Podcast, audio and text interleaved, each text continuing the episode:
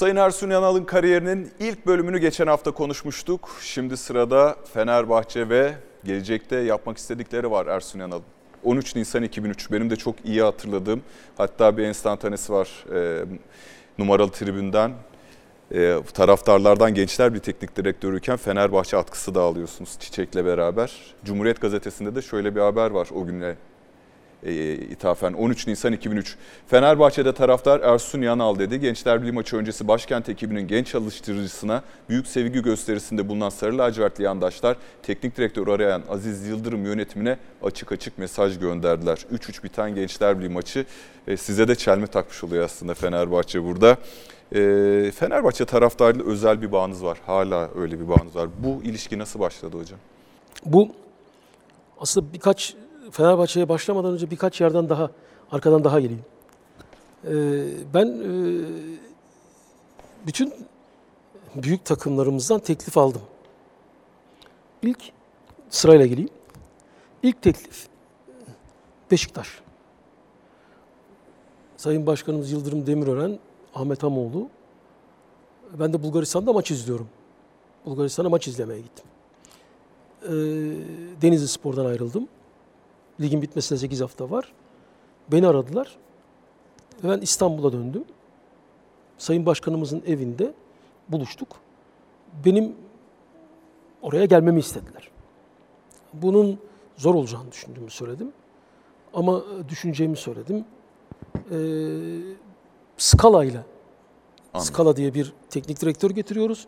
Seni de onun yanına istiyoruz. Skala bir menajer gibi olacak. Sen çalışırsın. Ee, daha sonra ikinci toplantıyı İzmir'de Hilton Oteli'nde yaptık. Ee, benim çok kafama yatmadı. Yani skalayla çalışmam nasıl olurdu hep bunu düşünüyorum ve şu anda Denizli Spor'da çalışıyorum ve çalışmalıyım ve e, kendi başıma ayaklar üzerinde durmalıyım. Kendi vizyonumu gerçekleştirmeliyim deyip o konuda gerçekleşmedi. Daha sonra Ankara gücüne gittiğim ilk sene Aynı teklif Fenerbahçe'den geldi. Lig devam ederken sanıyorum Lorant öncesinde Ankara'da bir toplantı yapıldı. Medyaya da yansımıştı bu. Sayın Nihat Özdemir e, ve e, bir kişi daha vardı ama tam olarak şimdi Hamdi Bey galiba Hamdi Bey vardı. Hamdi Akın, Bey, Hamdi, Hamdi Akın Bey. Onlarla Sayın Allah rahmet eylesin Başkanımız Cemal Aydın toplantı yapmıştı. Ee, orada da gerçekleşmedi, vermediler. Yine Gençler Birliği'ne geldim. Gençler Birliği'nden de böyle bir teklif geldi. Ee, ve Allah rahmet eylesin Özkan Sümer Hoca beni Ankara'da çağırdığında e, Trabzon'a başlamamı istemişti. Kendisi başkan olmuştu. O dönemde de e, gidemedim. Olmadı. E, ve bu aralarla biz hep milli takım milli takım sonrasında Vestel Manisa Spor ve sürecin 2013'e kadar kısmında ben büyük takımlarla çalışamamış oldum. Ama burada en ısrarcı ve en e, üzerinde duran bu konuda e, kararlı olan Fenerbahçe oldu. Fenerbahçe taraftarıyla buluşmamızın bence en büyük nedeni bu Beşiktaş'ta da var, Galatasaray'da da var ama Fenerbahçe üstün olmayı, üstün oyun oynamayı, baskın olmayı, baskın oyun oynamayı ve bunu rakiplerine kabul ettirecek bir davranışta bulunmayı skor kadar önemseyen bir takım. Ve hissettirir bunu. Hem oyuncusuna hem e, teknik direktörüne hem yöneticisine Fenerbahçe bunu yaparken, bu oyunu isterken daha doğrusu Fenerbahçe takımı bu sahada bunu yap, bu oyunu rakibine gösterirken çok farklı bir atmosfer yaratırlar. Fenerbahçe taraftarının bu olmazsa olmazıdır. Fenerbahçe takımı sahaya çıktığı zaman benim bir sözüm var. Onu da hatırlatayım. Fenerbahçe savunma yapmaz, yaptırır. Bu en güzel açıklayacak şeydir. Özdeşleşmiştir. Onlar için galibiyet kadar önemlidir baskın olmak. O baskınlıkla özdeşleştirdiğimi düşünüyorum. O dönemde de Fenerbahçe için gol atan, çok gol formasyonu içerisinde sahada yer alan bir takım yarattığım için Fenerbahçe büyük bir ihtimalle bu sevgiyi, bağlılığı gösterdi. Hocam siz Fenerbahçeli misiniz gerçekten? Evet. Çocukluktan. Evet. Nasıl Fenerbahçeli oldunuz? Benim dedem babamın babası Allah rahmet eylesin Fenerbahçe genç takımda oynamış. Ee, bizim ailede babam da Fenerbahçeli. Gerçi benim ailemde annemin kuzenleri olur. Ayfer Elmastaşoğlu, Ayhan Elmastaşoğlu, Ayfer abi Altay'ın takım kaptanıdır. Eski milli futbolcudur. Ayhan abi Galatasaray'ın oyuncusudur. Galatasaray'da yıllarca milli takımda oynamış bir oyuncudur. Ama bizim ailede baba ve baba tarafındaki Fenerbahçelilik e, herkese bulaşmıştır ve biz hep Fenerbahçeliyiz. En sevdiğiniz Aynen. futbolcu kimdi? Ya şimdi ben hep Ayfer abinin şeyiyle büyüdüm. Fenerbahçe'de en sevdiğiniz futbolcu kimdi? Çocukken, oynarken örnek aldığınız. Ya Fenerbahçe o kadar çok oyuncu var ki. Yani şimdi Kaptan Ziya, benim hatırladığım benim kuşağımda e, Osman Arpacı. Çok daha öncesinde e, gelirsek tabii benim gördüğüm hayal yani Tabii ki tabii. direkt e, görüntü olarak karşıma çıkan mesela Osman Arpacı'nın attığı goller çok ensantre şey gelirdi bana. E, hoş gelirdi. Çok dokunurdu. Böyle bam güm goller değil ama çok nazik, çok kibar. E, kibar bir golcüydü. o çok etkilemişti beni. En güzel Fenerbahçe anınız nedir çocuklukla alakalı? Fenerbahçe anıları en güzel anım e, Fenerbahçe ilk seyrettiğim an.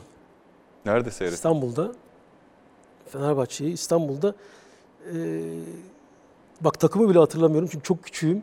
İstanbul'da çok heyecanlandığım babamın götürdüğü bir maç vardı. E, hayal mayal hatırlıyorum. Hangi stat? Şeyde e, Kadıköy'de. Kadıköy'de. Kadıköy'de. O zaman maçlar bir Kadıköy'de bir de şeyde oynanırdı. Dolmabahçe'de oynanırdı. Benim izlediğim Kadıköy. Peki Fenerbahçeli olmayı nasıl tanımlarsınız? Ya aslında bir süre sonra ki ben bunu diğer röportajlarımda bana çok sorulmuştur bu soru. Bir süre sonra şöyle bir tanımlama geliyor. Ben profesyonelim. Bazen Fenerbahçe'nin kaybettiğine çok üzülürüm ama bazen Fenerbahçe'nin e, kaybettiği benim çıkarıma ve menfaatimedir. Başka bir takımda çalışıyorumdur. O gün o kaybettiği zaman evet Fenerbahçe kaybetmiyor ama ben bunu kendi yönettiğim bir takımın lehinde eğer görüyorsam ki oynadıysam bu başka bir duyguya dönüşüyor. İş duygusuna dönüşüyor. E, bir, bir süre sonra bu iş duygusu daha farklı yere geliyor. Ama bugün Fenerbahçe'ye dış- dışarıdan tarafsız olarak baktığımda ya şu da şöyle niye olmuyor dediğim çok olmuştur. Ama bu tabii üstlendiğim bir misyon var. Teknik direktörlük misyonu var. Şu anda ben tarafsız ve adil olmak zorundayım. Futbol adamıyım ve futbol adamı da eşit mesafede durmalıyım. Kendi içimdeki rüzgarı dışarıya vurursam o rüzgar başkalarını da etkiler. Çünkü sonuçta ben e, belirleyiciyim. Futbol adına konuştuğum bir dil, futbol adına konuştuğum bir konu olursa ve bu Fenerbahçe ya da başka bir takım hakkında ise bu bir karar ya da işaret etme ya da belirleme özelliği taşır. O yüzden çok dikkatli ve e, sorumlu konuşmak zorundayım. Karakteri olarak Fenerbahçe ile özdeşleştirdiğiniz bir yanınız var mı? E, kazanmak. Biz kazanmak, Fenerbahçe gibi kazanmak. Şimdi Fenerbahçe Teknik Direktörlüğünüze geliyoruz. 17 Ağustos 2013. 2-0'dan 3-2 mağlup olduğunuz bir maç var. Ama bu maç şampiyonluğun belki de habercisi. Çünkü şöyle bir açıklama yapıyorsunuz. Bugün kötü oynadık. Bugün kaybettik. Bunun mazereti yok. Fenerbahçe 2-0'dan 3-2 maç vermez. Vermemeli. Önümüzde çok önemli bir maç var. Bir an önce bunun hazırlıklarını yapmak ve önümüze bakmak zorundayız. Oyuncularımızın bir an önce toparlanıp önüne bakması gerekiyor. Taraftarlarımız için çok üzüldük. Biz bu değiliz. Biz bu değiliz diyorsunuz ve şöyle bir cümleniz de var yayıncı kuruluşta. Aslında esasen o basın toplantısından çarpıcı olan biz şampiyon olacağız, diğerleri sıralamayı Aynen. belirlesin şeklinde. Aynen. O takıma nasıl bu kadar çok güvendiniz hocam? Şimdi çok iyi bir takım var. Benim istediğim karakteri ortaya koyduklarında bu takımın dayanıklı oyuncusu var. Bu takımın kavga edebilecek oyuncusu var. Bu takımın teknik olabilecek oyuncusu var. Bu takımda strateji belirleyip o stratejiyi sahada tutabilecek deneyimde sürekliliği sağlayacak oyuncu var. Çok büyük bir taraftar kitlesi var. Yaşadığı 3 Temmuz sürecinin arkasından acıları var. Bu acılarını hafifletecek, yok edecek en güzel şey iddialı durmak ve şampiyon olmak var. Bu maç sonrasında aslında hikaye şöyle. O dönemde Sayın Başkanımız Aziz Yıldırım mahkemelerle uğraşıyordu. Ve çok yoğun bir program vardı. Bu maç sonrasında kulüpte bir toplantı yapıldı. O toplantı sonrasında kritik olan yeri açıklayayım. Kritik yer, yer şuydu. O toplantı sonrasında e, Sayın Aziz Yıldırım'ın söylediği bir söz var. Bu takım böyle olmaz, böyle şampiyon olamaz. Bu takımda hoca var, futbolcular var. Hoca ve futbolcular, hoca ne diyorsa o olacak. Bu takımda ben olmam, burada hoca olur. Hepiniz ayağınızı denk alın, ne diyorsa onu yapın. Oradaki duruşu ve desteklemesi ve bizim gerekli olan tavrı ve davranışı o güç sonrasında takımın üzerinde kurup takımdan istediklerimizi net bir şekilde söylememiz ve oyuncularımızın bu söylediğimiz etkiyi karşılık vermeleri bu takımın çok rahatlıkla şampiyon olmasına yetti zaten. Ve bu takım buna hemen karşılık verdi. Bazı oyuncularımızdan istediğimiz verimi almak için onlara belli süreler tanıdık. O süreler içerisinde onları e, özel çalıştırdık, oynatmadık, e, hazırladık, takım oldular. Ve o sürecin sonunda iyi bir şampiyonluk yaşadılar. O süreci yaşayan bir tanık var. Hatta kendisi de bunu dile getiriyor. Bir süre oynamamış, size de kızmış. Et Arsène m'avait fait sortir à, à la mi-temps. J'étais très très très fâché. Et, voilà, j'ai parlé dans ma langue, il parlait en turc, j'étais en train de parler en français, lui il parlait en turc et je m'en souviens, il disait, il disait à, à Denise, qu'est-ce qu'il dit, qu'est-ce qu'il dit, qu'est-ce qu'il dit? Et Denise, il savait pas quoi répondre. Et c'est vrai que ce jour-là, c'était euh, c'était marrant parce que euh, j'étais fâché, je disais vraiment de, des, euh, des paroles assez assez dures. Mais bon, au final, tout s'est bien passé. Euh, je m'en souviens très bien pendant la, la reprise, la pré-saison. C'est vrai que les trois premiers matchs, monsieur ne m'avait pas fait jouer. J'étais pas dans le groupe, je m'en souviendrai toujours. Je l'avais mal pris. Mais bon, je pense que quand je suis rentré dans le groupe, c'est vrai que je me suis, euh, je me suis vengé, on va dire, avec euh, un triplé. Euh, c'est vrai qu'avec euh, vous, coach, euh, j'ai beaucoup appris, surtout physiquement. Mentalement aussi, je dirais, mais surtout physiquement, à, faire les efforts, à ne rien lâcher. J'ai fait les efforts pour l'équipe, je me suis battu pour l'équipe, et tout ça vient du, vient du coach. C'est vrai qu'on a fait des entraînements qui étaient vraiment, vrai, vraiment, vraiment basés sur la, sur la combativité, on va dire, sur le combat, sur euh, le pressing à récupérer le ballon. Quand on perd le ballon, euh, je dirais ja- chapeau à lui parce que il a su manager aussi euh, des grands joueurs. Je lui, je lui en remercie. Musa Sov. O şampiyonluğun yıldızı kim hocam? Önce Musa'yı anlatayım. Lütfen. Şimdi Musa çok önemli bir oyuncu. Keşke Musa'nın birkaç tane golünü seyretseydik. Tekrar bir Eskişehir golü var. İnanılmaz. Musa inanılmaz bir golcü. İlk maç oynadığımızda Musa biraz geç geldi. Ee, çok tutkulu ve çok inançlı bir çocuk. Tutkusu gol. İnanılmaz büyük tutku var. Golün için her şey. O kadar ilginç bir oyuncu ki onu kalenin önünden almak, kaleden biraz daha uzakta tutup başka görevler vermek onun için sanki aşağılanmak. Sanki onun hayır Musa yap bu, bu mümkün değil. Ona savunma yapmasını, geri koşmasını, takımına savunma içinde destek olmasını Kaleden uzaklaşmasını. söylüyorsun. Ve Musa buna bir türlü anlayamıyor. Çünkü o gün takımda Kayt var, Emenike var, Vebo var, Musa var. Bu dört oyuncunun üçü oynuyor. Ve bunlardan bir tanesi, iki tanesi, bu dört kişinin iki tanesi kanatta savunma yapmak zorunda. E bunlardan bir tanesi Musa olacak. Çünkü Musa koşmakla ilgili sıkıntısı olmayan ama gol içinde o tutkusu yüzünden onu terk edecek bir oyuncu. Bak seni ben bu şekilde oynatmayacağım Musa.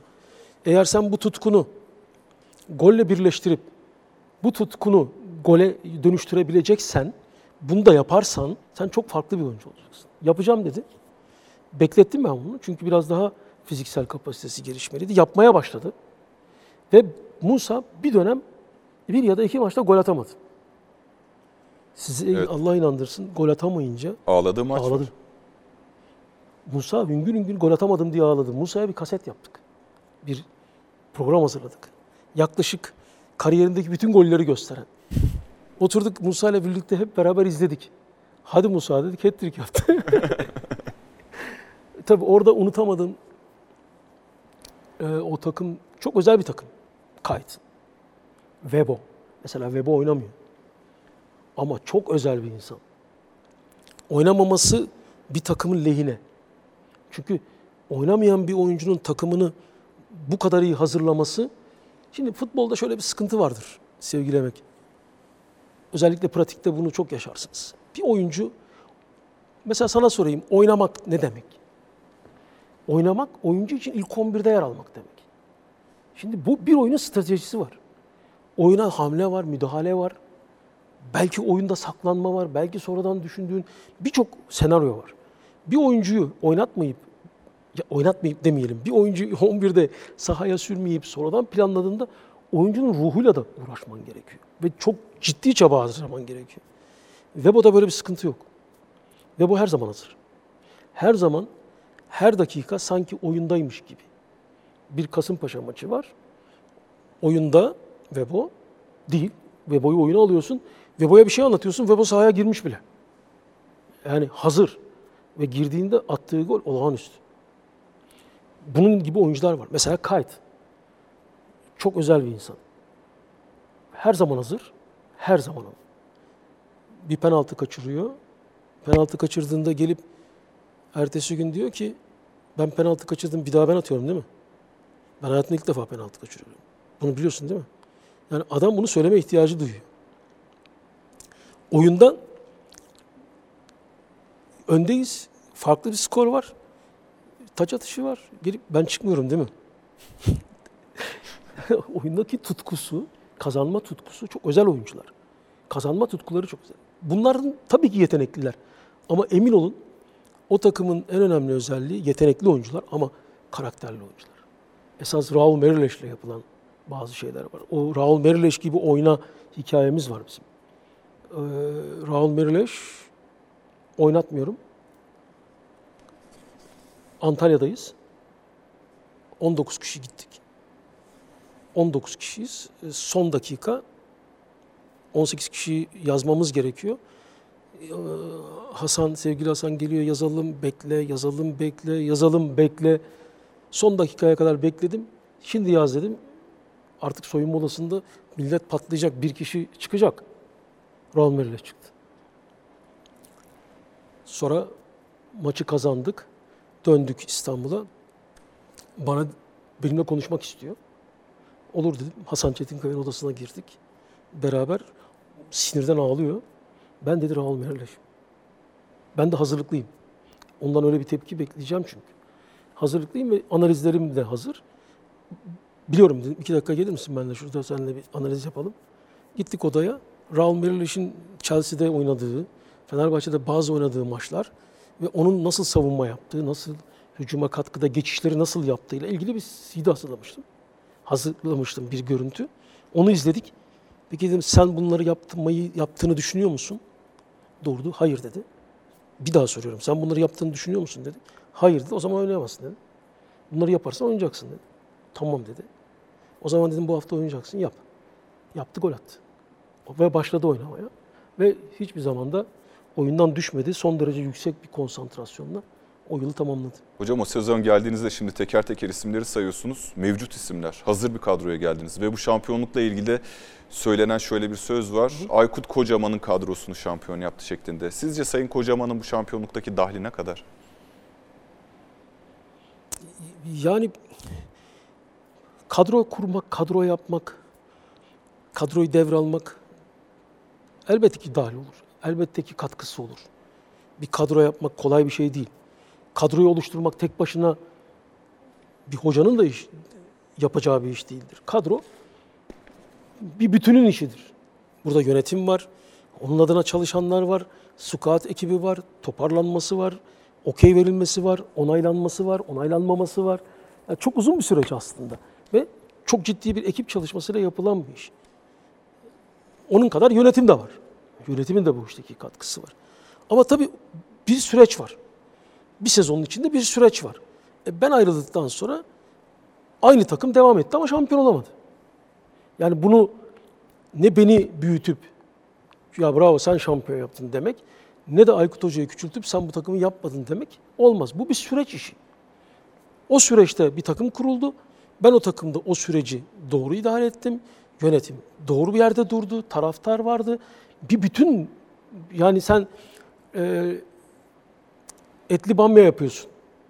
Adı üzerinde etli bamya yapıyorsun. Yani antrenörsüz takım olur mu? Olmaz tabii. Yani hepsi bir bütün. O lezzeti veren şey onların organize bir şekilde çalışması. Bu organizasyondan bahsetmek gerekiyor. Ben de o takım içerisindeki organizasyonun bir parçasıyım. Bu dişliler doğru yerde, doğru zamanda çalıştığında verim veriyor. Aslında benim ayrılış hikayemde belki sorarsın ama sen Geleceğim. sormadan Şimdi geleceğim ama o sezonun çok önemli bir e, günü var. E, bir maçtan daha önemli. 9 Kasım 2013 Fanatik gazetesi Yanal'ın kalbi tekledi. Fener'in hocası tüm Türkiye'yi korkuttu. Bu maça kalp dayanmaz sözü gerçeğe dönüştü. Yarınki Fenerbahçe Galatasaray derbisinin stresi Ersun Yanal'ın kalbini vurdu. Galatasaray'a karşı 2002 yılından bu yana galip gelemeyen ve büyük baskı altında olan Yanal'a anjiyo yapıldı, stent takıldı. Geceyi hastanede geçiren Yanal yarın taburcu edilecek ve derbide Fenerbahçe'nin başında olacak. Fiziken Fenerbahçe'nin başındaydınız ama ruhen takım başında mıydınız? Şimdi o gün hayatınızı böyle gözünüzün önünden geçiriyorsunuz. Bu arada şunu da belirteyim. Hiçbir şikayetim yok. Herhangi bir fiziksel bir e, bulgu yok. Herhangi bir şekilde bir semptom yok. Biz e, sevgili Burak Kunduracıoğlu ile birlikte e, yeni gelen makinalara bir bakmak ve bir check-up yaptırmak niyetiyle beraber hastaneye gittik. Hastaneden gelen e, destek şu oldu. Ya hocam biz sana bir anjiyo yapalım mı? Ya benim bir şikayetim yok. Herhangi bir şekilde bir problem de yok. Ama ya yine de yapalım. Bursa maçı var. Cumartesi günü Bursa ile oynadık, kazandık. Ertesi gün geldim ben anjiyo yaptırdım. Sonuç kötü. Aman dediler ya hocam sen ne yapıyorsun? Aman sen bypasslıksın hatta ne yapıyorsun sen falan. Ben oradan başka bir hastaneye hemen gittim ve orada tekrar yapalım istediler. Günlerden yine perşembe akşamı yapıldı. Altı stentle çıktım. Tabi bu benim için sağlıklıyım, spor yapıyorum. Herhangi bir şikayetim yok. Ee, çok büyük bir sürpriz. Ve bununla yüzleşmek ve karşılaşmak şöyle bir duygu. Hayatın anlamı nedir? Sizin için hayatta değerli olan ve anlamlı olan şeyler ne? İnsanlar böyle kötü şeylerle karşılaştıklarında mutlaka bunu sorguluyorlardır. Samimi olarak söyleyeyim, benim hayatımdaki en önemli şeylerden bir tanesi o bulunduğum ve yaptığım işin önemi ve benim için anlamıydı. Eğer dedim ben bu işi yapamazsam benim bir anlamım yok. Benim kendimi gerçekleştirmek için hayatım boyunca beklediğim, hayatım boyunca yapmak istediğim şeyi yapamıyorsam benim bir anlamım yok. Ve o gün orada hayatımdaki en önemli gerçekleştirmek istediğim, hayatımdaki e, kendimi gerçekleştirmek için uğraştığım bir sonuca gelmişken oradan kaçmak olmaz. Bunu fedakarlık olarak görüyor Fedakarlık değil, bu tamamen kendime saygım ve bulunduğum kuruma saygımdır. Çünkü kendime saygım ve bulunduğum kuruma saygım benim hedeflerimi gerçekleştirmek adına ortaya koyduğum çabamın sürecinde ortaya çıkan sonuçtu. Bu sonucu yaşadım. Sezonun devamında etkilendiniz mi? Hayır. Hiç o günden beri Hiçbir kopuş yaşamadınız mı? Hiçbir Biraz kopuş önce çünkü çok yüksek stres barındıran bir meslek yapıyorsunuz. Sadece biz 90 dakikasını belki görüyoruz ama bu mesleğin her anı 7-24 stres barındırıyor aslında. belki daha rahat, ekonomik olarak da belki Yok. Kendinizi Tam tersi, garanti aldıktan sonra. tam tersi. Ee, çok daha sağlıklıyım, çok daha e, kendi sağlığımla ilgili düşünebileceğim bir süreci yaşamış oldum. Bunun anlamını çok iyi biliyorum. Ne kadar nerede olmam gerektiğini biliyorum. Kendime doğru doğru ve iyi bakmaya başladım. Ee, Emekliliği hiç düşünmediniz. Düşündünüz mü? Şimdi emeklilik nedir? Yani bir sahil kasabasına Emekliliği ben şöyle yorumluyorum. Emeklilik bir işten vazgeçmektir. İşten vazgeçiyorsunuz. Emekli oluyorsunuz. Yani Yani o işten karşılığında bir bedel öderim diye korkmadınız mı hocam? tam tersi hayatınızda. ben eğer burada olmazsam, bu işin içinde olmazsam ben yokum diyorum. Benim varoluş nedenim bu. Siz varoluş nedeninizi emekli eder misiniz? O zaman siz kendinizi hayattan emekli etmiş oluyorsunuz. Hem de Fenerbahçe'nin başında. Ya nerede olursanız olun. Ya şu anda benim varoluş nedenimi ben terk eder miyim? Böyle bir şey yapabilir miyim? Benim o gün sağlığımla ilgili bana sen bak hayatını kaybedebilirsin, ne yapıyorsun diyenlere "E, benim varoluş nedenimi mi benden almak istiyorsun diye cevap verdim ben zaten. Benim varoluş nedenim bu. Ben bütün hayatımı bunun için evirdim. Yakınlarınızı da ikna etmeyi başardınız. Ya yakınlarım bana tabii bunu bunu söylediler. Ama benim varoluş nedenimi sen elimden alamazsın benim. Benim varoluş nedenim. Ben belki orada e, kötü bir şey yaşayabilirdim. Canımdan olabilirdim ama benim varoluş nedenim buydu. Yani benim teknik direktörlük varoluş nedenim. Bir fotoğraf var, bir sosyal medya paylaşımı. 25 Temmuz 2014. Mutluluk Fenerbahçe'de olmaktı. E, 90 bin küsür beğenisi var. Hocam mutluluğun resmini kimse yapamamış. Siz mutluluğun tanımını kendiniz yapmışsınız. E, 25 Temmuz 2014'te atıyorsunuz bunu. Yani şampiyon olmuş Fenerbahçe. Şampiyonluktan 2-3 ayda geçmiş üzerinden. E, üstelik Nisan ayında benzersiz bir şampiyonluk Fenerbahçe tarihinde ve son şampiyonluğu. Fenerbahçe'de bu tweet'i atmak için neden iki ay beklediniz? Herkes bekliyor ki yeni bir şampiyonluk destanı yazılacak. Ersun Hoca ile dolu dizgin gidilecek. Şampiyonlar Ligi olacak gibi gözüküyor ama siz bu tweet'i çok zor attınız. Yani sözleşmeyi, yeni sözleşmeyi zor imzaladınız. Neden bu süreç zor geçti? Bir süreci eğer sorgulayacaksanız bu süreci tek taraflı sorgulamamak gerekiyor. Bir süreci eğer e, tanımlayacaksanız o sürecin sonucunda başarı ya da başarısızlığı tanımlamak için aslında bileşenlere çok iyi bakmak gerekiyor. Bileşenler eğer doğru bir şekilde aynı vizyon içerisinde buluşmuş ve aynı hedefe gidiyorlarsa, yürüyorlarsa, birbirlerini de bu hedefler konusunda inandırmışlarsa o zaman sıkıntı yok. Gidebilirsiniz. Bu kim olursa olsun. Bu benim için de geçerli, yönetim için de geçerli. Biz burada problem yaşadığımızı düşünüyorum. Neden ayrıldınız Fenerbahçe'den? İşte burada problem yaşadığımızı düşünüyorum. Yani biz aynı hedeflere, aynı bütünlüğe, aynı e, konuda aynı yere bakmayı becerebilseydik bunu yapabilirdik ama bu konuda ben sorun yaşadığımızı düşünüyorum. Sayın Başkan Aziz Yıldırım peki sonrasında neden şöyle bir açıklama yaptı? Ben olsam ya da olmasam Ersun Yanal bu kulübün kapısından giremez şeklinde. Onu Aziz Bey'e sormak gerekiyor. E, futbolculardan destek aldığınızı düşünüyor musunuz bu süreç içerisinde? Birlikte Futbolcular- şampiyonluğu yaşadınız. Biraz önce sürekli övdüğünüz. Futbolcular bir iş yapıyorlar. Bir işleri var. Elbette ki futbolcuların içerisinde bu konularda fikrini beyan edenler oldu. Ama onların yaptığı işin özünü doğru kavramak gerekiyor. Onların bir kontratı var. Sonuçta onlar kendi işleriyle ilgili sorumlulukları var. Bu sorumlulukların belli yere kadar olan hakları var. O hakların dışına çıkmaları benim de tasvip etmediğim bazı şeyler var. Yani bir oyuncu bir teknik direktörü belirleyemez, belirlememeli. Ya da teknik direktörün hayatına müdahale etmemeli.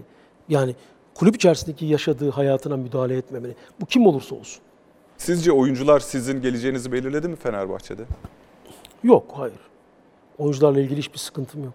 Peki Fenerbahçe camiasının size gösterdiği, özellikle tribünlerin diyelim, olağanüstü sevgi aleyhinize işlemiş olabilir mi? Ne açıdan? Ön plana çıkmanız açısından. Yani gibi siz ma- Fenerbahçeliler için şu anda Fenerbahçe'de toplam aslında iki buçuk sezon teknik direktörlük yaptınız. Bir futbolcu geçmişiniz yok. Ama birçok eski Fenerbahçeli futbolcudan, teknik adamdan daha fazla belki sevgi görüyorsunuz. Camia içerisinde size karşı bir bu insan bizden değil yaklaşımı olmuş olabilir mi? Sanmıyorum. Ee, Kıskançlık diyelim ya da uzatmayayım. Ya sanmıyorum yani çünkü benim yaptığım görev yani ben bunu böyle olsun diye düşünmüyorum, düşünemiyorum. Çünkü benim mantığımda benim yaptığım görev, benim yaptığım iş ayrı bir iş. Ben burada bu işi yaparken kendi sorumluluklarımı, kendi alanımı ve kendi çizdiğim çizgideki etrafımdaki alanı çok iyi biliyorum. Bu alan benim iş disiplinimin, iş ahlakımın olduğu alan. Bu alan benim alanım. Bu alanın içerisinde bana bir takım emanet ediliyor. Emanet edilen bu takımın çizgilerini ve alanını ben belirlerim. Bu benim görevim. Bu da net bir şekilde zaten hem kontratlarda hem de iş tanımında yazıyor. Yazmasına gerek yok. Bir teknik direktör yaptığı planıyla, oynattığı oyunla, seçtiği oyuncusuyla, oyuna müdahalesi ve aldığı sonuçla sorumlu olmalıdır. Bu sorumluluğu eğer alıyorsan, bu sorumluluğu saha içerisinde bu görevi yapıyorsan sorumluluğunu bileceksin. Sorumluluğunu bildiğin için de ne yapacağına sen karar vereceksin. Bunun kararını verip bedelini de sen ödeyeceksin. Ki ödediğimiz gibi. E bunu kararı, müdahalesi, bu karara müdahaleyi birçok takımda, birçok hocadan, birçok yerden dinlersin. Karara müdahaleyi aldığın sonuç aynı olursa bedelini kim ödeyecek?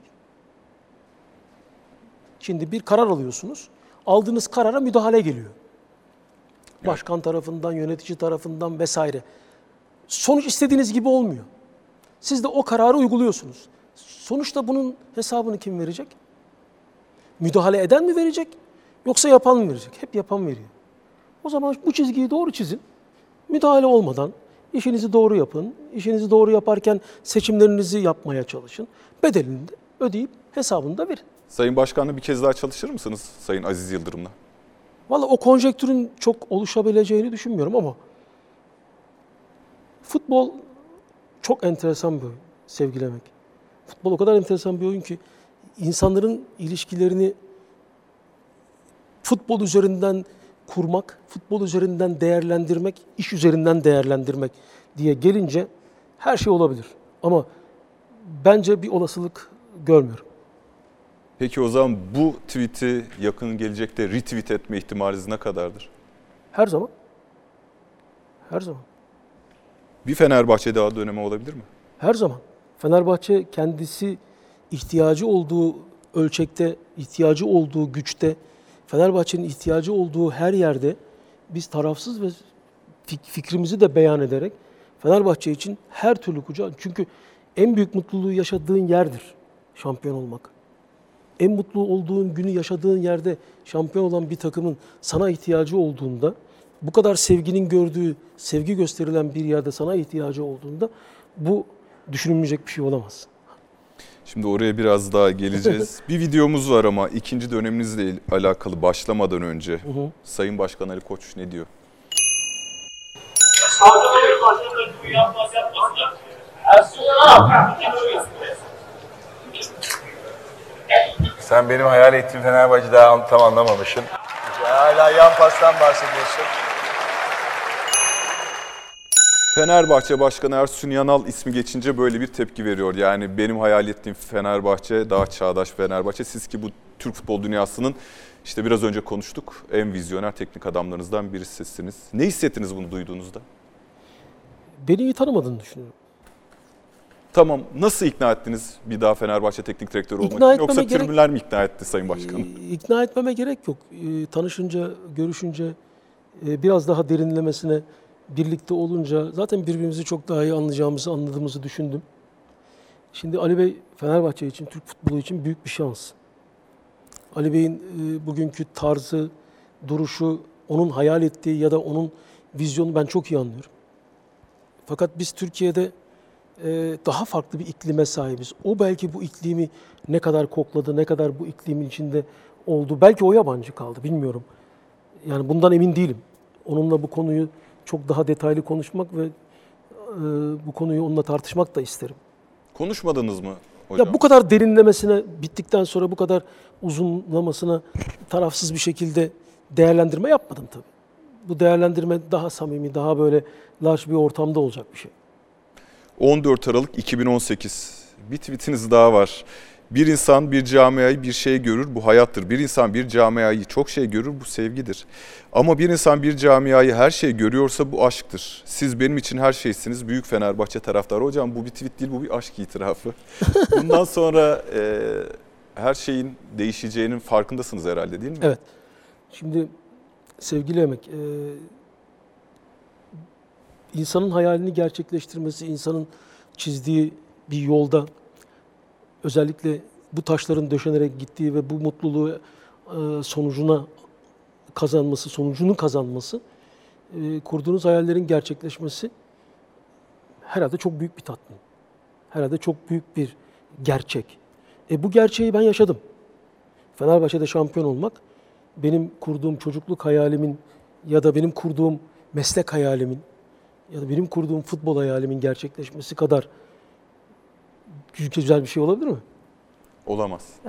Bu. Bundan sonra ama daha gençsiniz, daha önünüzde uzun bir kariyer var. Bu demek ki benim için artık Galatasaray kapısı, Beşiktaş kapısı, hatta bakın milli takım kapısı bile daha zor açılır. Bunu da düşünmüşsünüzdür herhalde. Şimdi her şeyin bedeli var. En güzel bedel en sevdiğin şeye kavuşmak. Peki hocam çok güzel bir cevap. Romantizm de güzel ama şimdi gerçeklere ben geliyorum. İkinci döneminize. Fenerbahçe'de sezonun ilk yarısının sonlarında yeniden teknik direktörlüğe getirilen Ersun Yanal'ın elindeki kadronun değeri dikkat çekti. 19 Aralık 2018 Futbol Arena haberi. Fenerbahçe'de teknik direktör Ersun Yanal'la geçtiğimiz hafta 1,5 yıllık sözleşme imzalandı. Sarı lacivertli takımda 2013-2014 sezonunda şampiyonluk yaşayan deneyimli teknik adamın o dönem elindeki kadroyla şu anki mevcut kadro arasındaki piyasa değeri farkı tam 25 milyon euro.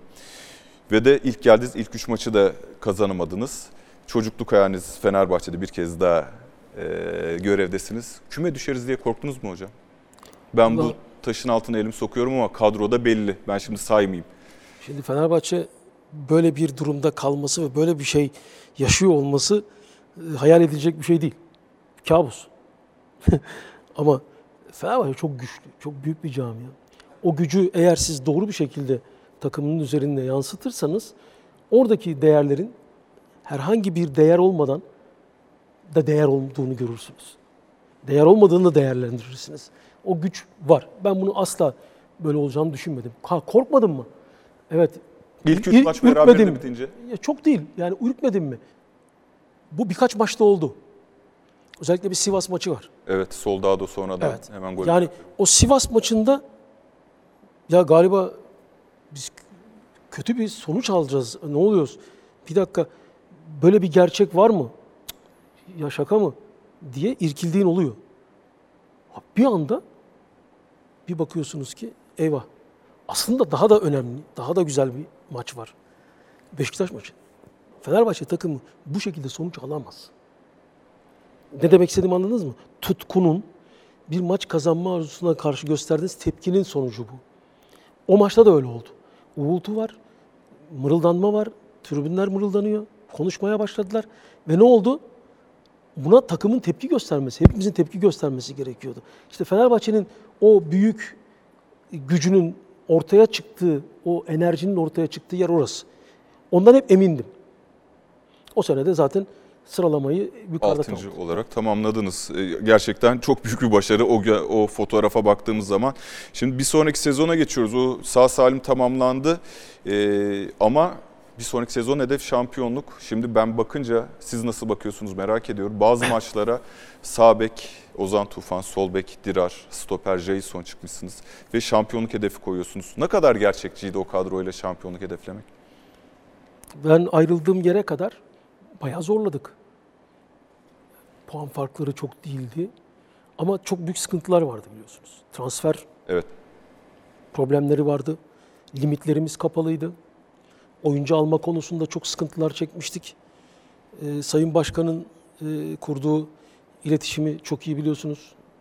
Hakemler, medya ve federasyondan oldukça şikayetçiydi.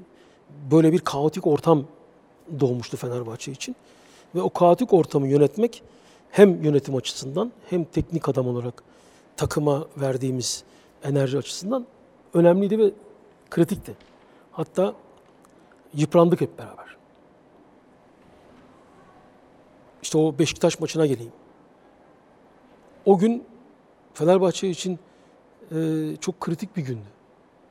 3-0 devre arasında soyunma odasına girmek ve e, böyle bir hedefi olan bir takımın aldığı en önemli yaralardan birisiydi ve bunun düzelemez sonucunu düşünmeye başlıyorsunuz. Ve müdahale etmeniz gerekiyor. O müdahaleyi yaparken de sonuç almanız gerekiyor. O orası çok karmaşık ve bu iletişimi doğru kurmanız gerekiyor oyuncularınızla. Bu enerjiyi doğru almanız gerekiyor. Ama şunu söyleyebilirim ki e, hiçbir zaman oynayacağımız oyundan, hiçbir zaman Fenerbahçe'nin kendi kimliğine uygun davranış şeklinden vazgeçmedik. Ve bunu oyunculara iyi aktardığımızı düşünüyorum. Evet bazen güç kırıldı. Mecbur kaldığımız mevkilerde oynatmak zorunda kaldığımız oyuncular vardı. İşte bunlardan eleştirildiğimi de biliyorum. Normal, çok normal de karşılıyorum. İşte bazen takımın e, savunmasını güçlendirmek için sol önde ki herkes bunu diyecek şimdi sol önde nasıl takımın savunması güçleniyor? İşte geçişleri daha iyi planlamak için Tolga'ya rica ettik. Dedim ki Tolga burada oynamalısın ve savunma geçişleri için bize destek olmalısın ki atak yemeyelim. Çok büyük fedakarlık gösterdiğini düşünüyorum. Çok başarılı, çok ağır bir sakatlıktan çıktığı halde o sezon sol bekte oynadı, sol önde de oynadı, orta sahada oynadı ve bugün o yapmış olduğu dirayetli duruşun karşılığını milli takıma giderek kazandı. Tebrik ediyorum. Gerçekten iyi bir duruşu var. E, Ozan için aynı şeyler geçerli. Ozan süreci daha da karmaşık bir süreçti. Ozan'ı ilk geldiğim sezon devre arasında Alanya Spor'a gönderdik. Çünkü bir daha Ozan'ın tekrar kadro dışı kalmış Ozan'ın takıma dönüp takımda bir 10 dakika bile oynadığında kazanacağı prim yoktu. Her şeyi kaybedebilirdi. Bir protesto ya da bir etkili bir e, destek görmemesi halinde kapanabilirdi. Onun ertesi yıl kazanılması için oldukça fazla çaba sarf ettik. Her gün aradık. Orada oynaması için destek olduğu için Sergen Hoca'ya teşekkür ederim. O gerçekten onu iyi kolladı, iyi destekledi. Ve Ozan'ı ertesi yıla hazırlamış olduk. Ve Ozan o sene çok iyi performans gösterdi. Uzun bir aradan sonra Fenerbahçe'ye kendisini kabul ettirdi. Her mevkide de oynadı. Ee, bu kırılma anları Dirar özellikle kadro dışı kalıp ertesi yıl sol bek, sağ bek, orta saha, önde yani hemen hemen her kısıtlı bir kadroyla bence iyi işler yapıldı. İşte Vedat transferi çok önemliydi. Çünkü Fenerbahçe eğer Vedat'ı almasaydı 20-25 milyon euroluk olacaktı. Çünkü o mevkiye öyle bir oyuncu almak çok pahalı bir bedeldi. Bu konuda e, Semih Özsoy Başkan ve Gürel Aydın çok önemli desteklerde bulundular. Ve ciddi çaba sarf ettiler. O transferin oluşması için özellikle Gürel Aydın e, gerçekten önemli bir çaba sarf etti. Altay'ın transferi için yine Semih Öztürk çok ciddi Gürel Aydın'la birlikte çaba sarf ettiler ve Fenerbahçe'nin kazançlarından biri oldu bunlar. Kazanımlarından biri oldu. Ve bence e, sezonda şampiyonluk olmasa bile e, ki olması zordu çünkü başkanımızın da ifade ettiği gibi çok şikayet ettiği konular vardı. Kadro Hakem- darlığı dışında da problemler vardı diyor. Çok büyük problem. Yani bilmiyorum medyaya yansıyan kısmıyla konuşayım. Hakemlerden, medyadan, e, federasyondan, limitlerden birçok şikayet vardı. E, ve bu inanç, birlikteliği, şampiyonluk için yeterli bir enerjiyi sağlayacak güçte değildi. Ve biz yıpranmaya ve e, çatışmaya başlamaya zamanı gelmişti. Bunu yapmadan, Fenerbahçe'ye zarar vermeden, Ali Başkan'a zarar vermeden en güzeli bu konuda ayrılıktı. Teknik direktör Ersun Yanal kulüp kariyerinde 700. maçına çıkacak. 2 Şubat 2021 Anadolu Ajansı Oktay Özden haberi. Trabzonspor'da 148 maça çıkan Ersun Yanal Gençler Birliği'nde 121, Fenerbahçe'de 96, Denizli Spor'da 81 mücadelede görev yaptı. Diyor 700. maçınıza Fraportab Antalya Spor Teknik Direktörü olarak çıkıyorsunuz. İlginçtir ki ama ya da belki en olgun döneminizde aslında kulüp kariyerinizde 1.26 puan ortalaması en düşüğü. Hatta gol sayısında da standardınızın altında kalıyorsunuz. Benim şahsi görüşüm sanki bir dönüşüm çabasında olup başaramamışlık var gibi. Yani bildiğimiz Ersun Yanal takımlarından da farklı bir oyun oynuyor Antalya Spor. Sizce başarısız mı oldunuz bu anlamda dönüşümde? Şimdi o süreci anlatayım. Antalya Spor. Önce Antalya'dan bahsedeyim. Antalya bugün dünyanın futbol konjektürüne en rahat oturtabileceğiniz bir yer, bir mekan. Antalya fiziksel olarak, iklim olarak ve organizasyonu yapmak açısından olanak olarak dünyada sayılı yerlerden bir tanesi. 12 ay, olağanüstü tesisler, çok bol sayıda takım ve iletişim kurabileceğiniz, dünyada istihbaratı çok rahatlıkla oluşturabileceğiniz sayıda futbol adamının uğrak yeri. Ve böyle bir imkanın olduğu ki ben Futbol Federasyonu'nda e, gelişim direktörlüğü yaparken benim hayal ettiğim projelerden bir tanesi orada bir üs kurmak, oraya büyük bir turnuva almak, gelişim liglerinin, dünyada gelişim liglerinin merkezi haline getirmek. Çünkü 12 ay hiçbir sorun yok. Evet. Özellikle kuzey ülkelerinin genç oyuncularını ağırlayabileceğimiz organizasyonlar yapmak ve futbolun e, dış kaynaklarını çok rahatlıkla ağırlayabileceğimiz, organizasyon içine alabileceğimiz bir yer olarak düşünüyordum.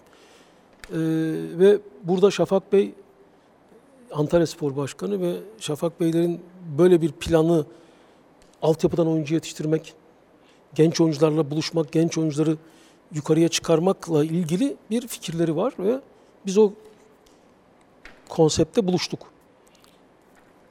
Ve orada bu konsepti gerçekleştirmek için yol birlikteliğine karar verdik ve başladık. Birçok sebep var. Bu sebepleri burada tartışmak çok istemiyorum başka tarafa çekileceği için.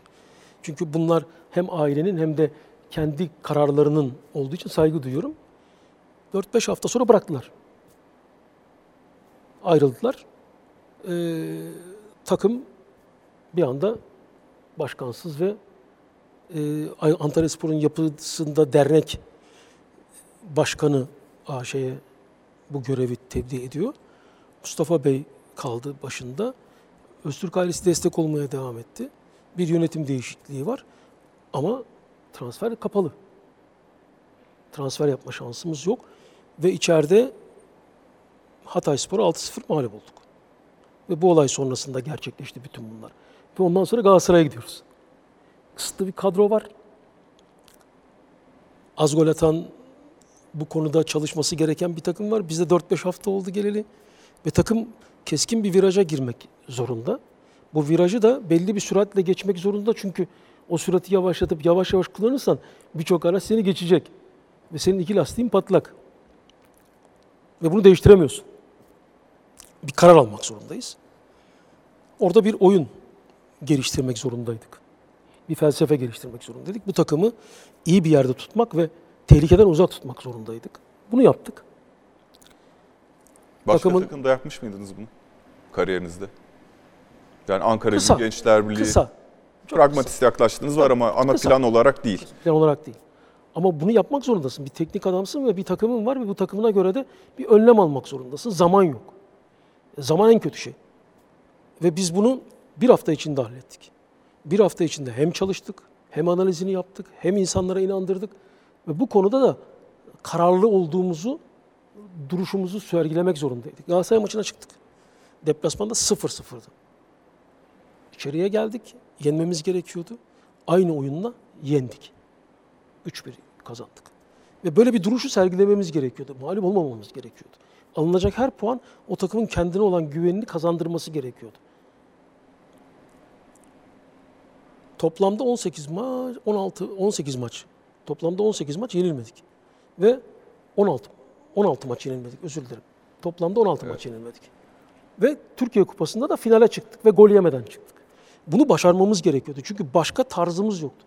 Hücum çalışacaksın, atak oynayacaksın. Bunun için zamana ihtiyaç var, oyuncuya ihtiyaç var. Sakatlıklar var, cezalar var. Devam ede gelen bir de hatırlıyor musunuz o süreci?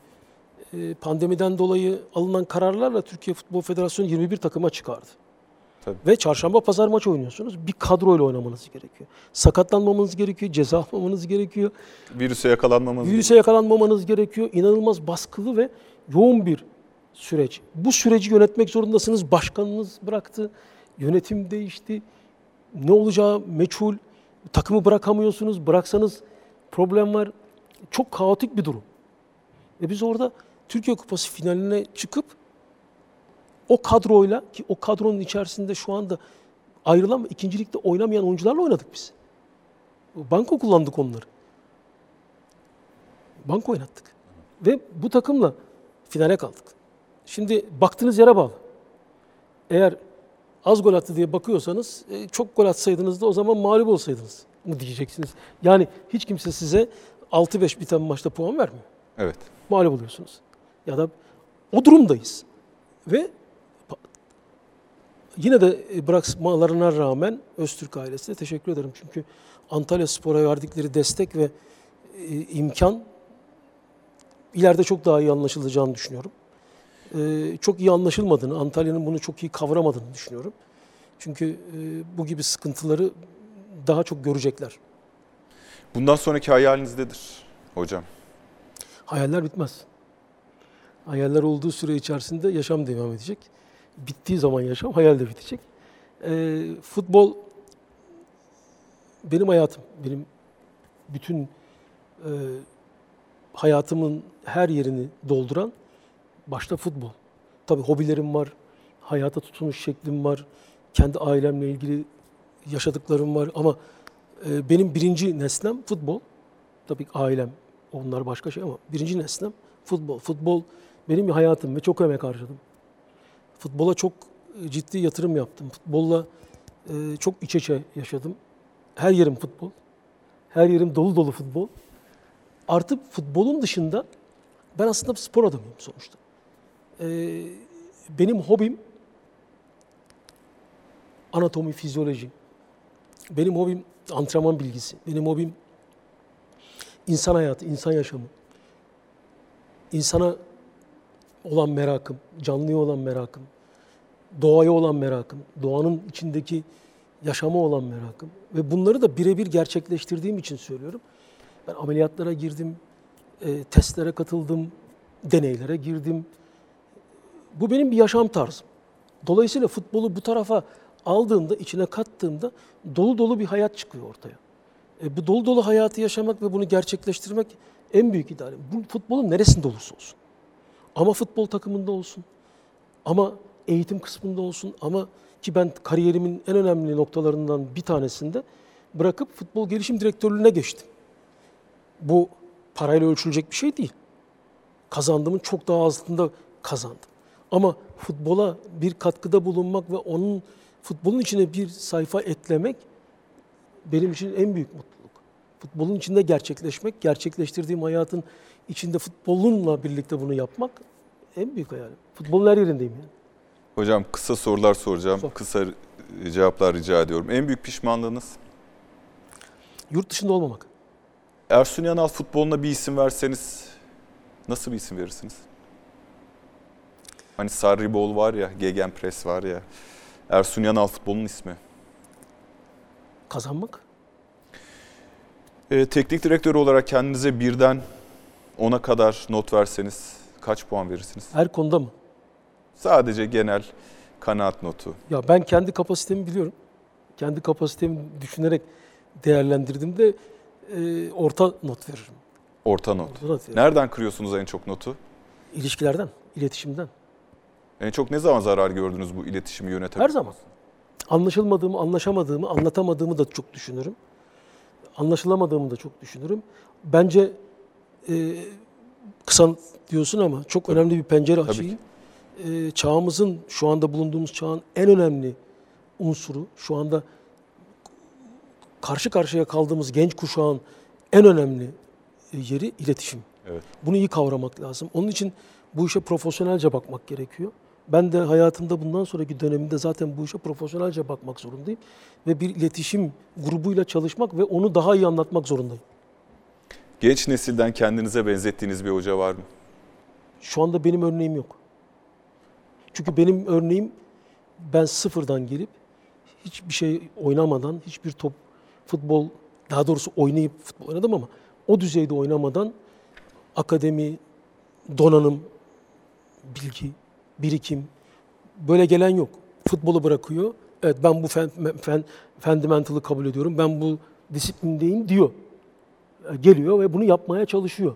İşte bunu Ali Tandoğan yapabilir, Çağdaş yapabilir, ne bileyim Emre yapabilir Erol. ama o benim geldiğim yoldan gelmiyorlar.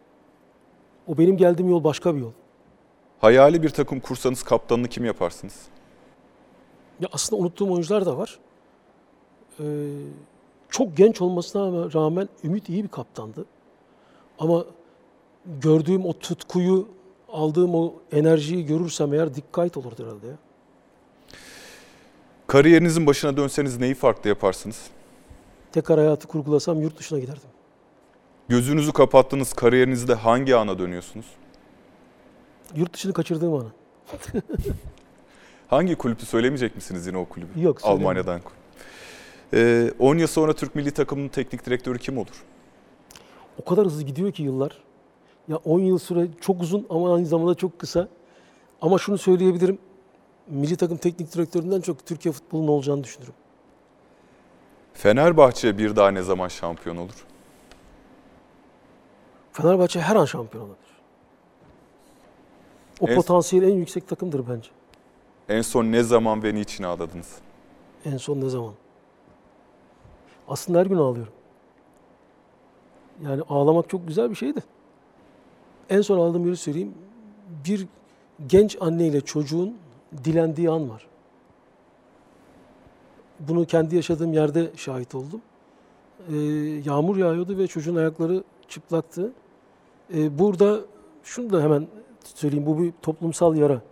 Ya biz o manzaraları görmek ve o manzaralarla yüz yüze gelmekten kendimize çok ihanet ettiğimizi düşünüyorum. Biz öyle bir ülke değiliz. Bütün sorumlular için bizler de dahil buna. Ya o insanları orada diletmeyelim. O insanlara sahip çıkalım. Bir şekilde onları destek olabileceğimiz yerler var. O insanları o şekilde o, o halde rezil etmeyelim. İnsanlığın bir tarafı körelmemeli. Çok ciddi so- sorunlar yaşıyoruz. Ve bunun tam merkezindeyiz. Göçlerin olduğu, Evet. insanların e, ezildiği, insanların acı çektiği yerlerdeyiz. E, bu toplum olarak ama bunu belediyeler, ama valilikler, ama sosyal örgütler, dernekler ne olur bunları, bu manzaraları biz de görev üstlenelim ki ben hemen yine ufak tamamlama yapmak istiyorum. Ben de kendi adıma fu- futbolun, sporun bir tarafına olmak için bir vakıf kurmayı planladım. Şimdi o vakfı kurduk. Arkadaşlarımızla beraber bu türlü futbolun, başta futbol olmak üzere tüm sporların, kadınların özellikle spora ulaşmak, sporda destek olmak adına yapılacak her türlü işin içinde o vakıfla beraber olmak istiyoruz. Birçok insana kazanım elde edeceği fırsatlar da vermek istiyoruz. İşte futbolun içerisinde bir tane daha yapabileceğimiz en güzel şey. Bütün herkesin desteğini bekliyoruz. Bu desteği samimi olarak spor, sanat, kültür inancına toplumun sağlıklı ve daha güçlü olması için bu inançlara bağlı olan herkesten de yardım bekliyoruz. Ee, Biz de tabii ki yapacağımız işlerin şeffaf, doğru, açık biçimde yapacağımızı şimdiden söyleyebilirim. Sayın Ersun Önal çok teşekkürler. Ben teşekkür ederim. Kırılma anının sonuna geldik. Gelecek hafta görüşmek üzere. Hoşçakalın.